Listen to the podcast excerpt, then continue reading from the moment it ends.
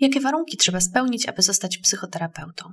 Na czym polega psychoterapia i dlaczego tyle kosztuje? Czy rozmowa z psychoterapeutą istotnie różni się od rozmowy z koleżanką?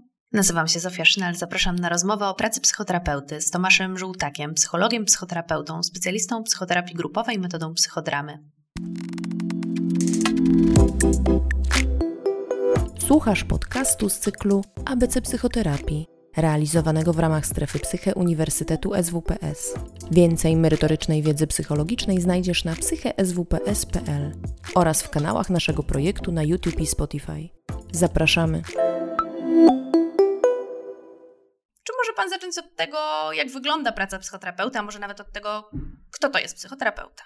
Pozornie wcale nie jest łatwo odpowiedzieć na to pytanie, kim jest psychoterapeuta, ponieważ e, no, takich e, definicji e, podręcznikowych jest kilka. I ja myślę, że na użytek tej, tego spotkania moglibyśmy sobie zaparkować te definicje e, książkowe, bo je jakoś łatwo namierzyć i w sumie e, mógłbym się podzielić z Państwem taką myślą, jak ja uważam, kim właściwie terapeuta jest.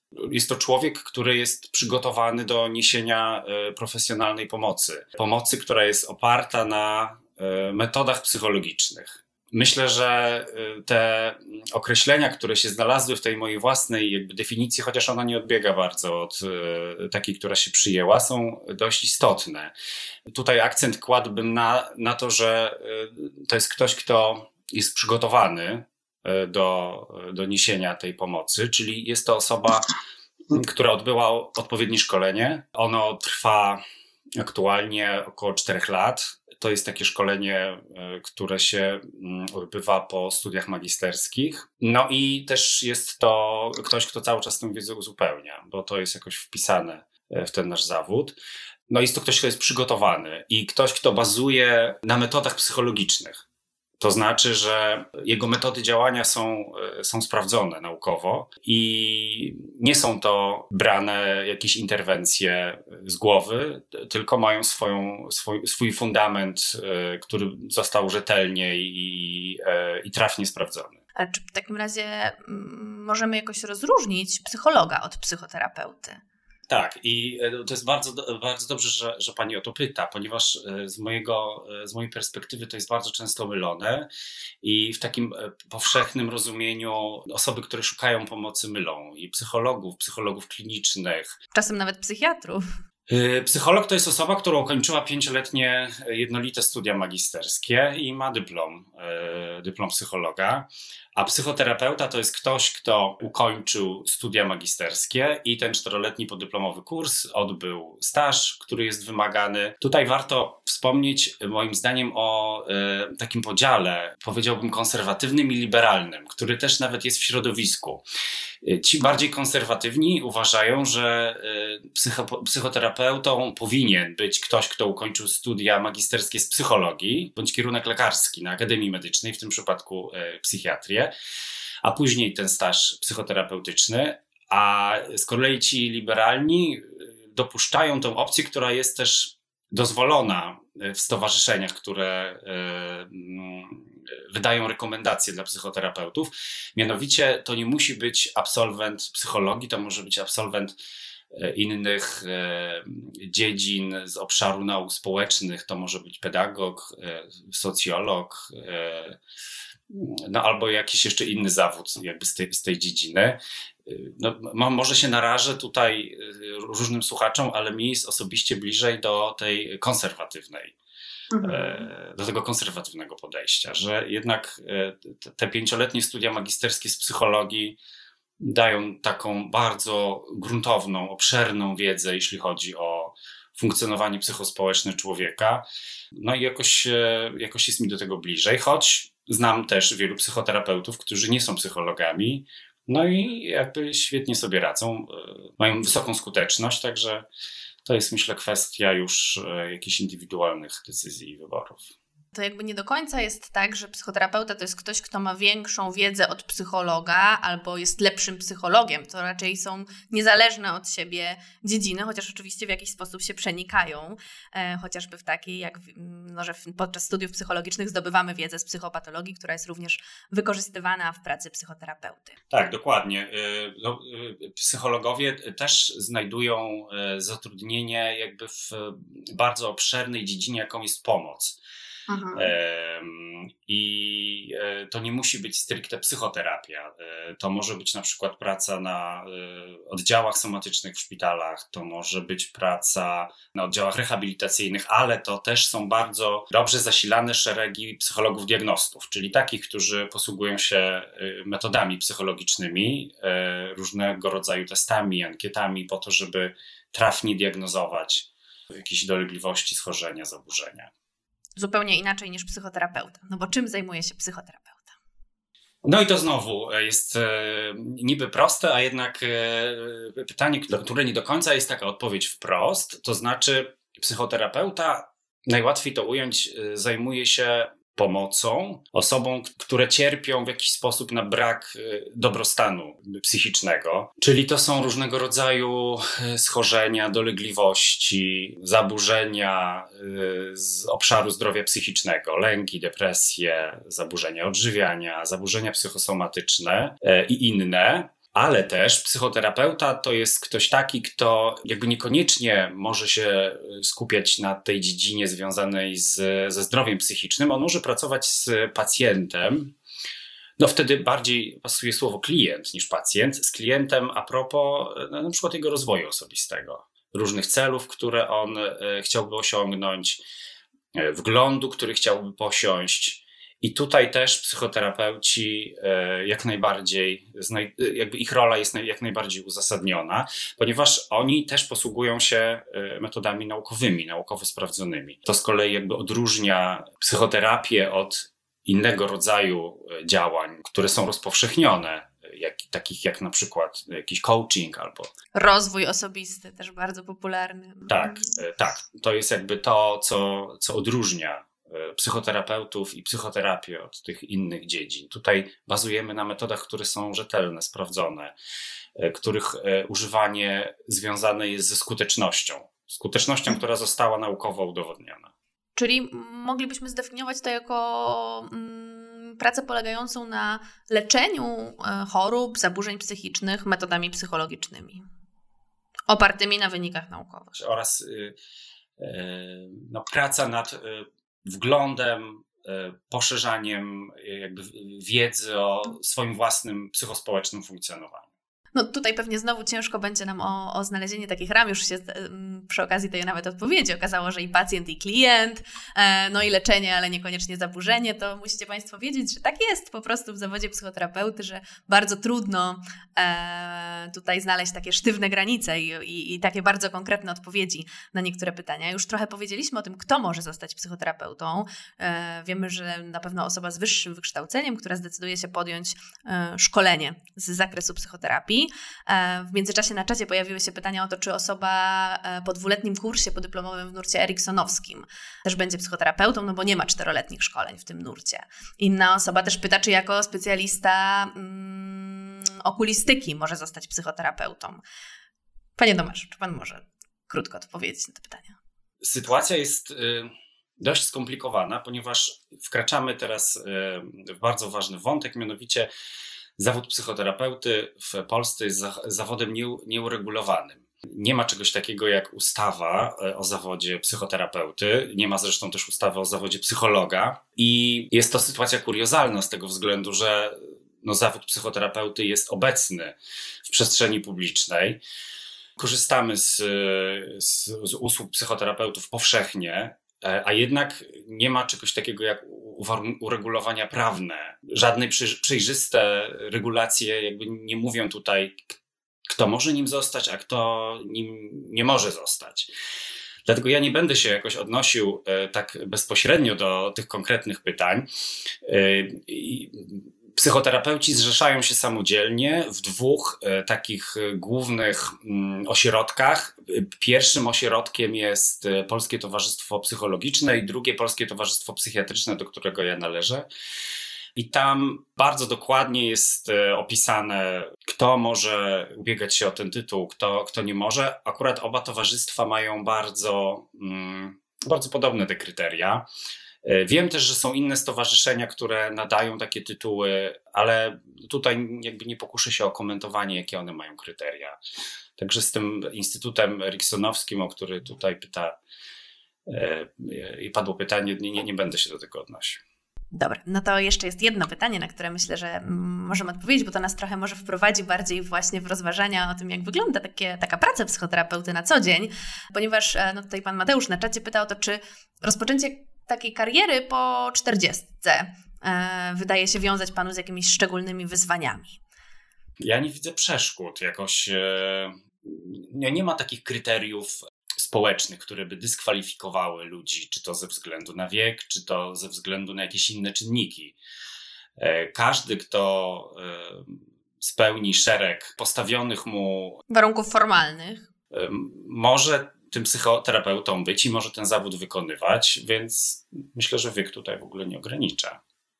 Zresztą ja chyba też, znaczy chyba, no znam osoby, które, które zdecydowały się y, na tę karierę nie tak klasycznie po, po studiach y, psychologicznych czy innych, tylko właśnie najpierw wybrały jakiś jeden kierunek, a później uznały, że chciałyby jednak podążyć tą ścieżką i się dokształciły, więc tak, jak najbardziej.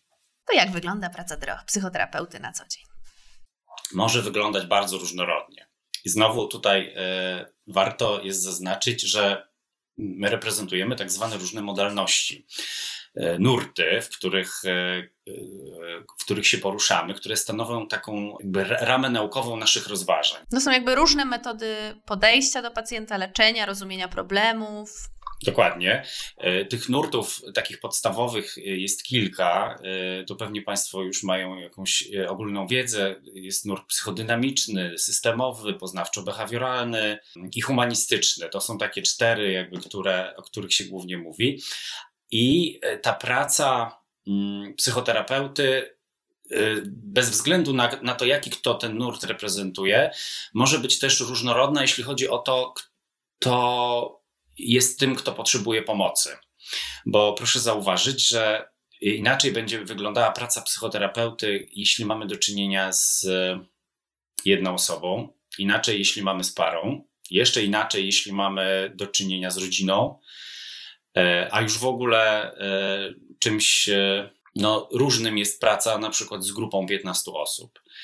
Więc w zależności od tego, kto, z kim pracujemy, kto zgłasza się po pomoc, no to tutaj są specyficzne sposoby pracy, sposoby rozumienia problemu i konstruowania interwencji, które pomagają no, jakoś prostować te, te ścieżki. A za co płacimy terapeucie? Hmm. E, płacimy, no, mógłbym powiedzieć ogólnie, że za usługę. No, to ważny aspekt, bo w jakimś aspekcie jest to właśnie usługa, którą kupujemy często. Tak, jest to usługa, którą kupujemy, ponieważ jest to zawód, który y, y, związany jest z niesieniem pomocy. Y, no to w bardzo wielu sytuacjach społecznych Zdarzają się sytuacje, w których robimy to pro bono. Teraz jest na przykład taki moment związany z tą geopolityczną sytuacją z Ukrainą, gdzie bardzo wielu psychoterapeutów robi to bez wynagrodzenia. Mówię tutaj o pomocy oczywiście imigrantom. No ale na co dzień jest to nasz zawód, za który rzeczywiście pobieramy, pobieramy wynagrodzenie. Co się składa na tę opłatę? Na pewno czas, który poświęcamy. To zazwyczaj są sesje, no powiedzmy, że od pół godziny do 50 minut, czasami 90-minutowe. W trakcie tych sesji no, jesteśmy niezwykle uważni na to, co y, prezentuje pacjent. Jesteśmy autentyczni, mamy też dostęp do jakichś swoich emocji, które się w trakcie tej, tej sesji pojawiają. No i oczywiście proszę nie zapominać o tym, że takie spotkania z pacjentami nie są dla nas obciążeniem, bo one są obciążeniem. Być może mamy jakieś wypracowane techniki radzenia sobie z tym ciężarem. Niemniej jednak to też jest coś takiego, co związane jest z naszymi zasobami. I to oznacza, że tych pacjentów nie możemy przyjmować e, i nie możemy rozmawiać z pacjentami w jakiejś nieskończonej ilości. No bo mhm. wtedy oznacza to, że robilibyśmy to niedokładnie, nierzetelnie, no i też z jakoś z nadużyciem samych siebie. W związku z czym jakby ta ilość pacjentów to nie może być 40 godzin, tak jak na standardowo etat. Coś mhm. bardzo dużego. To jest jakby to jest ograniczona. E, każdy sobie jakoś sam to reguluje, w zależności od e, właśnie od, e, od tego, jak się Zasobów. ma, jakie ma zasoby. Dokładnie. Ale to jest bardzo ważny czynnik, bo rzeczywiście te ceny psychoterapii, szczególnie ostatnio, mocno poszły w górę.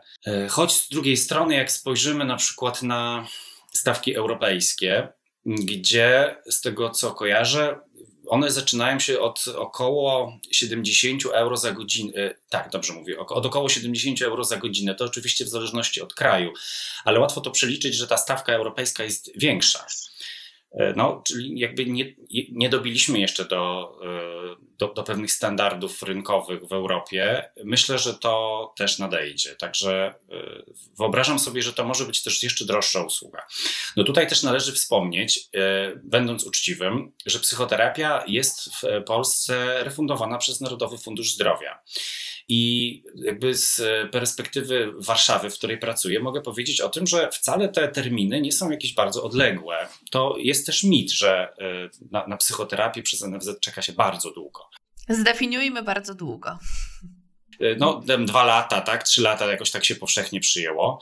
Z mojego doświadczenia te terminy naprawdę dla osób chcących i bardzo potrzebujących bywają, bywają dostępne. Może nie, nie od ręki, ale w perspektywie kilku tygodni można z takiej, e, z takiej psychoterapii skorzystać. I to dotyczy zarówno dzieci i młodzieży, dorosłych, e, grup, pacjentów indywidualnych, e, nawet psychoterapia par bywa refundowana.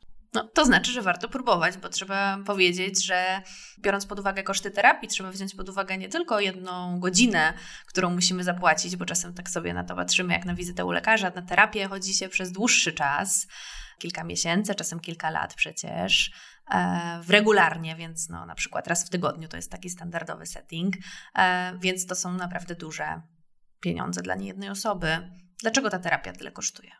Czas kształcenia e, nas jako psychoterapeutów jest, jest długi i on łączy się też z tym, że jest tutaj nieustanna potrzeba dokształcania się. To nie jest tak, że my zdobywamy tę wiedzę raz i już więcej e, do niej nie zaglądamy i tylko bazujemy na swoim własnym doświadczeniu. To jest właściwie nieustanny proces kształcenia, który jest procesem bardzo kosztownym i czasochłonnym. To jest raz. Dwa, to jest to, co, to, o czym wspomniałem, czyli nie możemy sobie jakoś pozwolić na e, rozszerzenie tych usług per psychoterapeuta na nie wiadomo jaką ilość, ponieważ e, no, nikt by tego psychicznie nie udźwignął, a nasza troska o, o, nasze zdrowie jest tutaj bardzo ważnym czynnikiem. Jakby sam proces, jeśli wgryziemy się w niego, jest procesem ekstremalnie skomplikowanym. Od strony oczywiście y, no, psychoterapeuty, bo to nie jest tylko rozmowa, gdzie właśnie psychoterapeuta, tak jak się powszechnie przyjęło, y, słucha, kiwa głową i czasami coś powie. Tutaj praca odbywa się właściwie na, e, na kilku takich mentalnych poziomach e, po stronie psychoterapeuty, więc umysł tego pomagacza jest mocno drenowany w trakcie takiego jednego spotkania. Żeby wykonywać to uczciwie i żeby wykonywać to jakoś zgodnie ze sztuką, jesteśmy niejako zmuszeni do pracy też na swoich własnych emocjach. Czyli my dajemy pacjentowi dostęp do naszych emocji, co również jest dla nas jakimś kosztem. Jeżeli mamy do czynienia z, z takim klasycznym dniem pracy, w którym spotykamy się na przykład z piątką pacjentów, i to są pacjenci, którzy mają spory bagaż cierpienia i przeżyć, to nie jest tak, że my zamykamy drzwi i już jakoś więcej do tego nie wracamy. Więc to wszystko jest też niezwykle, niezwykle obciążające, bazujące na naszej uważności, na widzeniu różnych perspektyw, na używaniu wiedzy, e, na takiej gotowości do używania metafor, do nieustannego obserwowania tego, co się dzieje w trakcie e, pracy w gabinecie, do obserwowania zachowań, mowy ciała również pacjenta, to wszystko trzeba zintegrować w jednym czasie. Bywa to ekstremalnie wyczerpujące. Czy psychoterapeuta, czy, czy ktoś, kto chciałby zostać psychoterapeutą, musi Pana zdaniem mieć jakieś szczególne predyspozycje? Już wiemy, jakie warunki formalne należy spełnić, a jeśli chodzi o jakieś cechy osobowości, czy jest coś takiego? Taką podstawową cechą jest ciekawość. Ciekawość, bo y, oczywiście ciekawość drugiej osoby, ponieważ poprzez tę ciekawość jesteśmy w stanie w ogóle zrozumieć pacjenta to jest właściwie naszą, naszym, naszym głównym zadaniem, jakoś spróbować e, wyobrazić sobie i, i zrozumieć, e, co ten pacjent przeżywa, w jaki sposób on to przeżywa, bo z pewnością w różny niż my, w inny niż my. No i jakby na tej podstawie starać się mu to zrozumienie jakoś oddać. Więc, więc na pewno ciekawość. E, no to, co już powiedziałem, czyli uważność, takie mocne skupienie się na, na teraźniejszości, na tym, co się dzieje w gabinecie. E, szczególnie to jest widoczne, kiedy, znaczy szczególnie to się przydaje, kiedy pracujemy na przykład z lękiem u pacjentów, gdzie ten lęk może się demonstrować w naprawdę e, minimalnych, minimalnych porcjach, czy to w grymasie twarzy, czy to w ruchu nogą, e, czy to w przełknięciu na przykład śliny. Więc to wszystko jakoś trzeba też, też, też uwzględniać. Myślę, że powinien być otwarty, otwarty na inność, bo skala doświadczeń pacjentów, ich przeżyć, tego, z czym się zetknęli, bywa no, ogromna i mocno tutaj trzeba wyjść jakby poza obszar swoich własnych doświadczeń. No i starać się jakoś uznawać to, że mm, że oprócz naszego doświadczenia inne osoby mogą doświadczać w sumie tego samego na inny sposób. No powinien być wrażliwy, tak? Trudno jest mi sobie wyobrazić psychoterapeuty, który, yy, który nie chce być blisko człowieka e, mhm. i jego, jego spraw. Myślę, że rzetelność też jest ważna, ponieważ no, za tym stoi jednak jakiś warsztat, yy, warsztat wiedzy, obiektywizmu, odpowiedzialny. Mm. Tak, psychoterapeuta powinien być osobą odpowiedzialną, ponieważ e, zawód w ogóle psychologa jest zawodem zaufania publicznego. I e, no, takie kwestie jak e, etyka tego zawodu, jak przestrzeganie tej etyki, przestrzeganie zasady poufności, no, są ekstremalnie ważne. Nasz zawód jest też zawodem bardzo opiniotwórczym szczególnie w dzisiejszych czasach, właściwie trudno sobie wyobrazić jakąś przestrzeń społeczną, która nie jest komentowana e, przez, przez psychoterapeutów. I to ma naprawdę ogromny impact na, e, na osoby, z którymi się spotykamy, którym, świadczy, którym świadczymy tę usługę. Mhm. A czy są jakieś, e, jakieś cechy, które wykluczają, które sprawiają, że ktoś może się nie nadawać na psychoterapeutę?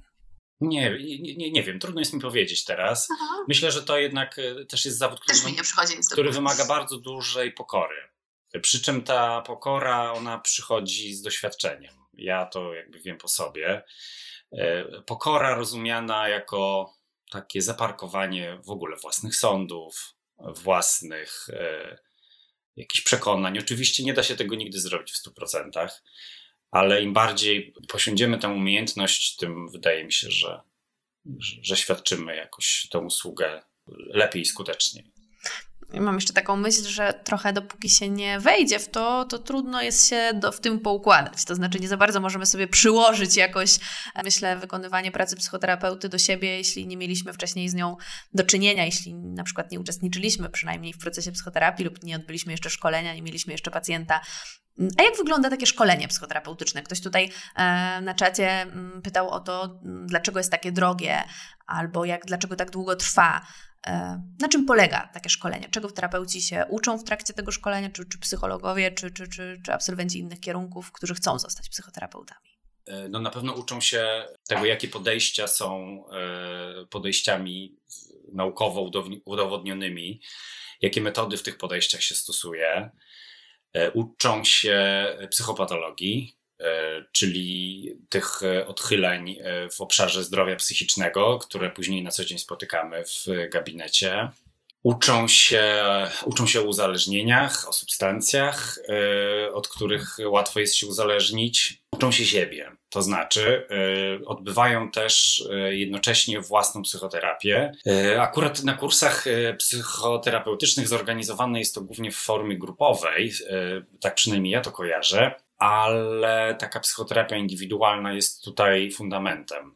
Mm, akurat w przypadku kursu, który ja ukończyłem, rzeczywiście odbywały się to zajęcia, te zajęcia w formie psychoterapii grupowej, e, w których uczestniczyliśmy, gdzie wtedy i pracowaliśmy na jakichś e, swoich materiałach własnych, ale też uczyliśmy się techniki. Natomiast e, nie wyobrażam sobie, i to też jakby jest coś, co chciałbym zaznaczyć, nie wyobrażam sobie pracy psychoterapeutycznej bez indywidualnej psychoterapii własnej. Jest to bezwzględny, nieodłączny fundament e, w ogóle wykonywania tego zawodu. Myślę, że, że, że, że psychoterapia grupowa, e, która jest oferowana na kursie, to jest za mało. Jednak taki setting e, jeden na jeden no, dopiero może jakoś pogłębić tutaj nasze, nasze własne widzenie i, i postrzeganie siebie i w ogóle jakby poczucie tego, jak, jak, z, z czym może mierzyć się pacjent, który do nas przychodzi. Hmm? Terapia indywidualna będzie dla, dla psychoterapeuty czy dla przyszłego psychoterapeuty e, cennym doświadczeniem, jak Pan powiedział. Ale zastanawiam się, czy możemy porozmawiać też trochę o superwizji, która będzie jed, też kontaktem, prawda, terapeuty z innym terapeutą, jednak w trochę innych ramach i w innym celu. E, pytania, które pojawiły się na czacie od Pani Klaudii, dotyczy tego, no właśnie, e, no nie wiem, jakie są techniki radzenia psychoterapeuty z obciążeniem, to rozumiem, z obciążeniem wynikającym z pracy, więc może przy tej okazji o tym i o superwizji. E, dobrze, to ja e, też odniosę się do tego wątku związanego z superwizją. E, superwizja jest takim procesem, w którym spotykamy się z, w sensie my, psychoterapeuci, z kimś, kto jest często bardziej doświadczony. Mm, I możemy w trakcie takiego spotkania porozmawiać na temat naszego widzenia, naszych, naszego widzenia naszych pacjentów, jakoś odbić myśli z osobą, która również reprezentuje nasz zawód, ale ma za sobą dużo więcej lat pracy, no albo uwspólnić jakoś punkt widzenia, albo poznać nowy, zastanowić się, z czego um, wynikają te różnice, zastanowić się, jaki rodzaj oddziaływań byłby najlepszy dla, dla, dla tego konkretnego pacjenta. Taka superwizja też odbywa się e, w dwóch formułach. E, tak mi przynajmniej wiadomo, w takiej uczestniczę. Pierwsza to są takie, psycho, takie superwizje indywidualne, gdzie to są spotkania jeden na jeden, a są też superwizje grupowe, gdzie oprócz tego wątku superwizyjnego ze strony tej osoby doświadczonej jest jeszcze tak, taki element superwizji koleżeńskiej, gdzie my dzielimy się swoimi różnymi wątpliwościami i ci koledzy i koleżanki, którzy również na tę superwizję przychodzą, mają szansę powiedzieć, e, jak oni to widzą, co oni usłyszeli, być może e, czy jak, jeśli oni mieli kontakt z podobnym przypadkiem, jak oni sobie poradzili w danej sytuacji. Także e, superwizja to jest coś, co nam pomaga, ale to nie wszystko, myślę sobie. Myślę, że ważne też jest jakaś skocznia od tego zawodu, czyli no, jakieś takie zajęcie, które pozwala nam e, no nie myśleć o, wyłącznie o pacjentach. Dla każdego to jest coś innego. Dla jednych to będzie sport, dla kogoś innego to będzie rodzina, jeszcze dla kogoś innego książka, ale e, no, ta, taka strefa, do której możemy uciec i tam jakoś pobyć sobie sami ze sobą, bez takiego nieustannego myślenia psychoterapeutycznego, Myślę, że rodzina też bardzo pomaga, własna rodzina, własne dzieci. No, jakoś tak już mówię bardziej e, ze swojej perspektywy, co, jak ja sobie radzę. I kolejne z pytań na czacie dotyczy tego, jakby w jakim sensie tajemnica terapii jest chroniona prawnie. Bo powiedzieliśmy o tym, że nie ma ustawy o zawodzie psychologa, nie ma ustawy o zawodzie psychoterapeuty, znaczy ustawy o zawodzie. I w związku z tym, jak to działa? Czy coś oprócz moralności no jest jeszcze coś takiego jak e, kodeks, pacjenta. jak kodeks etyki e, zawodu psychoterapeuty i każdy psychoterapeuta, który zrzesza się w stowarzyszeniach, o których wspomniałem wcześniej, deklaruje, że ten kodeks etyki e, będzie stosował i się pod nim podpisuje. I w, w stowarzyszeniach, na przykład w Polskim Towarzystwie Psychiatrycznym, jest komisja etyki, w psychologicznym chyba też, zresztą w większości. I takie komisje rozpatrują właśnie różnego rodzaju wątpliwości pacjentów, które są zgłaszane. Jeżeli pacjent ma jakieś wątpliwości co do etyki swojego psychoterapeuty, to może się zgłosić do takiego miejsca i, no i poprosić o wgląd jakoś w swoją sytuację. Wtedy taka komisja się temu przygląda, weryfikuje, y, czy doszło do jakichś nadużyć, do złamania tych zasad etyki. Mm, no i może takiego psychoterapeutę jakoś zdyscyplinować. Tutaj formy tej dyscypliny są, e, są różne. E, ale myślę, że każdy, kto, kto e, przynależy do tych stowarzyszeń, to no po prostu ten, e, ten kodeks etyki traktuje jako coś fundamentalnego, więc, więc to jest no, bardzo istotna kwestia. Trzeba pamiętać tylko o tym, że będzie to dotyczyło tylko i wyłącznie tych osób, które są zrzeszone w którymś z towarzystw, e, no, a nie jest to e, warunkiem koniecznym. Dlatego tak bardzo ważny jest ten dyskurs o, e, o ustawie o zawodzie, tak? Zarówno zawodzie psychologa, jak i psychoterapeuty, bo to przede wszystkim będzie chroniło interes pacjentów, klientów, gdzie zostaną w każdym województwie powołane jakieś izby, tak, które będą e, no, jakoś zrzeszały terapeutów z danego regionu czy psychologów, i tam będzie można się doszukiwać jakiejś sprawiedliwości albo, albo swoich praw. Jednak przede wszystkim e, psychologów, psychoterapeutów e, obowiązuje, tak jak już tutaj e, pan Tomasz wspomniał, kodeks etyki zawodu psychologa czy psychoterapeuty, w ramach którego obowiązuje nas tajemnica zawodowa, zachowanie poufności dotyczące wszystkiego tego, co dzieje się podczas sesji, podczas spotkania w gabinecie, i, i, I, to są takie główne mm, no, motywacje nieuniknięcia sądu e, koleżeńskiego, chociaż rzeczywiście w takich skrajnych przypadkach e, no, no, no, no, w taki sposób można zadziałać, żeby to zgłosić gdzieś do odpowiedniego towarzystwa. Wiele osób jednak nadal e, dopytuje o to, mm, jaka jest różnica pomiędzy tym psychologiem i psychoterapeutą, więc może jeszcze dwa takie pytania e, spróbujemy mm, odpowiedzieć. E, czy pedagog szkolny może prowadzić terapię ucznia? To jest e, pierwsze pierwsze z tych pytań. Nie. E, pedagog szkolny nie może prowadzić e, psychoterapii ucznia. Może odwoływać się do różnego rodzaju poradnictwa, e, czy to pedagogicznego, czy psychologicznego, jeśli czuje się w tym jakoś biegle. Natomiast klasycznej psychoterapii pedagog szkolny, rozumiany jako absolwent pedagogiki, nie może wykonać. Mhm. No, no, no, właśnie tutaj pani Dominika jeszcze pyta o to, e, że wiemy już skąd, e, jak się różni psychoterapeuta od psychologa od strony formalnej, ale jak to wygląda w praktyce, czym różni się taka sesja. To chyba musimy um, też jasno powiedzieć, że psycholog nie prowadzi żadnych sesji, bo nie prowadzi psychoterapii. Tak? Więc to nie będzie różnicy pomiędzy sesją u psychologa a sesją u psychoterapeuty, dlatego że no, termin sesja mm, jest raczej zarezerwowany dla oddziaływań psychoterapeutycznych. Więc co może robić psycholog w gabinecie? Jak, jak, jakie oddziaływania może zaproponować klientowi czy pacjentowi? To może być bardzo szeroko rozumiane poradnictwo psychologiczne, e, w którym to e, bazując też na, e, na, na wiedzy związanej z profilaktyką, na przykład zdrowia psychicznego, taki psycholog może wypowiadać się na różne tematy związane ze zdrowiem psychicznym E, podpowiadać jakieś rozwiązania, zastanawiać się razem z, z, z, no z klientem, mm, być może co wpływa na jakiś dobrostan tej osoby, która prosi o pomoc psychologa, ale nie ma tutaj mowy o, e, o, o, oddziaływaniu psychoterapeutycznym, czyli o metodach psychoterapeutycznych, interwencjach psychoterapeutycznych, E, psycholog może również, tak jak wcześniej wspomniałem, mm, dokonywać badań, e, na przykład badań kierowców, ale też badań młodzieży, badań jakichś innych grup zawodowych, badań osób, które ubiegają się o broń.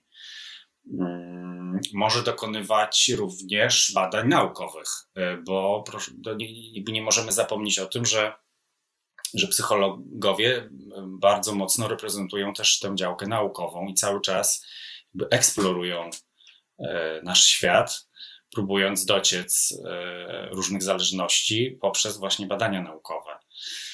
E, także to jest to. Psychoterapeuta to jest ktoś, kto posługuje się metodami psychologicznymi, metodami, które są e, uznane, umawiając się też z, mm, z klientem czy z pacjentem na, na pewnego rodzaju proces. Czyli to jest e, umowa, która jest rozłożona w czasie. Te spotkania oznaczają, e, tak jak było też wspomniane, ileś, ileś takich, e, takich sesji. Bardzo ważne jest przymierze terapeutyczne, o którym mm, właściwie pierwszy raz wspominamy. Przymierze terapeutyczne, czyli rodzaj porozumienia pomiędzy pacjentem a psychoterapeutą, w trakcie którego y, obie strony mm, próbują uzgodnić konsensus, jaki dokładnie cel ma być realizowany w trakcie y, takich y, spotkań psychoterapeutycznych. No i to, to, to, to, to tak, no ten aspekt związany też z tym, że pracujemy zarówno na emocjach pacjenta, jak i, na, jak i wykorzystywane są emocje, uczucia, i, i stany no, psychoterapeuty, który dzieli się tym w odpowiedni sposób e, z, z pacjentem. Chciałabym jeszcze zapytać o, o rozwój kariery e, psychoterapeuty, bo tutaj też takie się pytania e, pojawiają. To znaczy, jak to jest zaczynać w takim zawodzie, jak to wygląda, bo przecież nie za bardzo mamy e, okazję się uczyć, no bo jak uczestniczyć w czyjejś sesji terapeutycznej, jak to wygląda, w jaki sposób można zdobyć praktykę, jak zacząć. Też tutaj pani Oliwia po to, pyta o to, czy ciężko jest znaleźć pracę jako psychoterapeuta od razu po ukończeniu kursu. Myślę, że coraz łatwiej. Mm, też zacznę od końca, bo wynika to z, e, mm, no z tego, że mamy coraz więcej wyzwań, e, jeśli chodzi o zdrowie psychiczne, e, szczególnie w Polsce. Jakoś mm, myślę, że takie tsunami problemów dopiero jest przed nami, gdzie psychoterapeuci będą no, bardzo potrzebni do tego, żeby, żeby pomagać. Więc jeśli chodzi o pracę, to bym się nie martwił. E, natomiast dużo bardziej istotne jest e, znalezienie dla siebie na przykład nurtu, w którym ja się czuję bardzo dobrze i z którym jestem się w stanie zidentyfikować, z metodami, którego jestem się w stanie zidentyfikować. Być może też e, takie zorientowanie się na to, z kim ja chcę pracować, bo tutaj to spektrum pracy i pomocy też jest bardzo duże można na przykład pracować psychoterapeutycznie z osobami terminalnie chorymi. E, I, i to jest e, e, bardzo duże wyzwanie emocjonalne też dla terapeuty. Można pracować z małymi dziećmi, na przykład no, dziećmi, które mają powiedzmy dwa lata, trzy lata. To też jest bardzo specyficzna praca psychoterapeutyczna, tutaj już bardziej z systemem rodzinnym. Można pracować y, psychoterapeutycznie z parami. To jest dość y, no, też popularna formuła. Czyli to, z kim pracujemy, to y, w jakiej modalności. Metodą. Tak, mhm. jaką metodą, dla jakiej grupy społecznej, dla jakiej grupy wiekowej. To jest też częsty podział wśród psychoterapeutów, czyli są psychoterapeuci, którzy pracują tylko z osobami dorosłymi, są tacy, którzy pracują tylko z dziećmi i z młodzieżą i jakoś starają się nie łączyć jednego z drugim.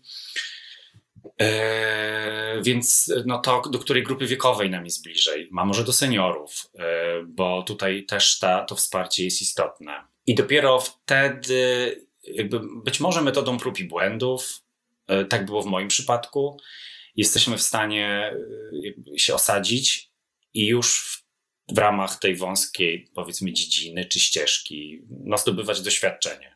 Zdobywanie doświadczenia jest rzeczą no też elementarną tutaj. E, trudno jest wykonywać ten zawód, jakby chyba w pełni mu się nie poświęcając. To znaczy, mówię tutaj o takim e, całkowitym fokusie na, na, na tę ścieżkę zawodową.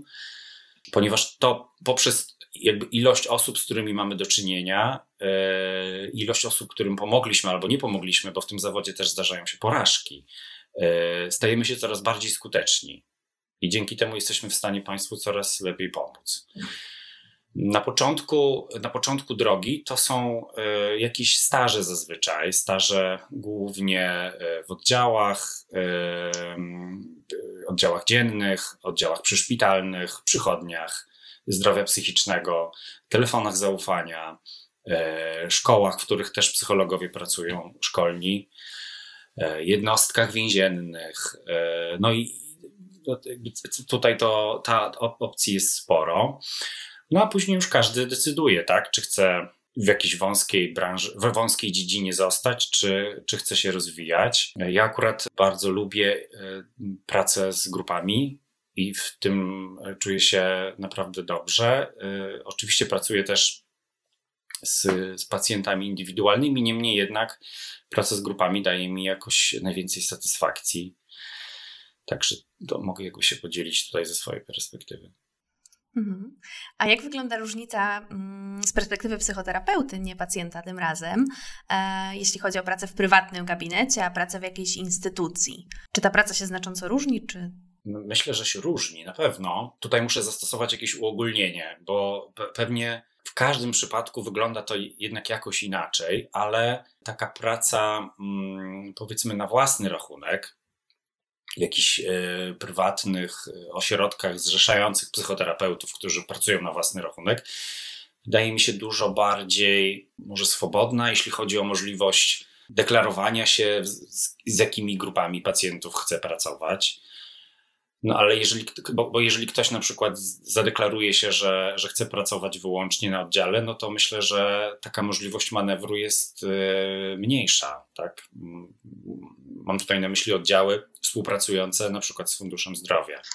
No to to jest chyba taki, e, taki główny, główne rozróżnienie. E, no w tych gabinetach prywatnych zazwyczaj to nie jest tak bardzo sformalizowane, jak wyobrażam sobie, że, znaczy wyobrażam, no i też jakby tego doświadczyłem, jak jest w takich jednostkach e, państwowych, gdzie ma się zazwyczaj jakiegoś szefa, ten szef ma jakiegoś swojego szefa, ordynatora e, i, i, ten aspekt hierarchii jest e, dużo, no dużo bardziej obecny. Mhm. Jeśli chodzi o, bo tutaj e, jedna z uczestniczek czatu pytała o dokumentację e, medyczną, e, właśnie w związku z różnicą pomiędzy prywatnym a, gabinetem, a, a pracą w, w instytucji państwowej. Tak, no to też jest bardzo ciekawy temat, ponieważ trzymając się wyłącznie litery prawa, psychoterapeuci nie mają obowiązku wypełniania dokumentacji medycznej. Natomiast praktyka jest inna od tej, tej wykładni, a właściwie jej braku. I bardzo często taka dokumentacja jest tworzona i uzupełniana przez, przez psychoterapeutów. Oczywiście w jednostkach, które rozliczają się z Funduszem Zdrowia, robione to jest dużo bardziej dokładnie, zgodnie ze standardami e, i pewnie więcej czasu się poświęca na, na uzupełnianie różnego rodzaju formularzy po spotkaniu z pacjentem, po to, żeby to dobrze rozliczyć. W takich y, y, z kolei jednostkach prywatnych każdy psychoterapeuta y, no, robi to jakoś we własnym zakresie, albo też w oparciu o jakiś system, który funkcjonuje w ramach jednostki, dzięki któremu no, pracujemy wtedy w bardziej takich interdyscyplinarnych zespołach, czyli psychoterapeuta na przykład współpracuje z psychiatrą, i to widzenie pacjenta nie jest na jedną parę oczu, tylko na dwie. Tak i to na przykład dzieje się poprzez e, wspólne weryfikowanie dokumentacji, sesji ze spotkań. Panie Tomaszu, to jeszcze, jeszcze raz wrócę do tego samego, bo widzę, że tego szczególnie tutaj nurtuje. Powiedzieliśmy, że zaczekamy na to pytanie, więc, więc wracam. Pani Gosia pyta o to, czym właściwie z perspektywy pacjenta różni się doradztwo psychologiczne w trudnych momentach od prowadzonej psychoterapii? E, w doradztwie psychologicznym na pewno e, nie ma czegoś takiego jak kontrakt. Kontrakt, czyli ramy, na które e, obie strony się zobowiązują. Kontrakt, czyli pewnego rodzaju umowa pomiędzy psychoterapeutą a pacjentem, w trakcie, w wyniku której pacjent wie, jak długo będzie prowadzona terapia, jaki będzie cel tej terapii, wie jakie są jego prawa, obowiązki i tak samo dotyczy to, to psychoterapeuty. Psychoterapia prowadzona jest regularnie, w zależności od nurtu.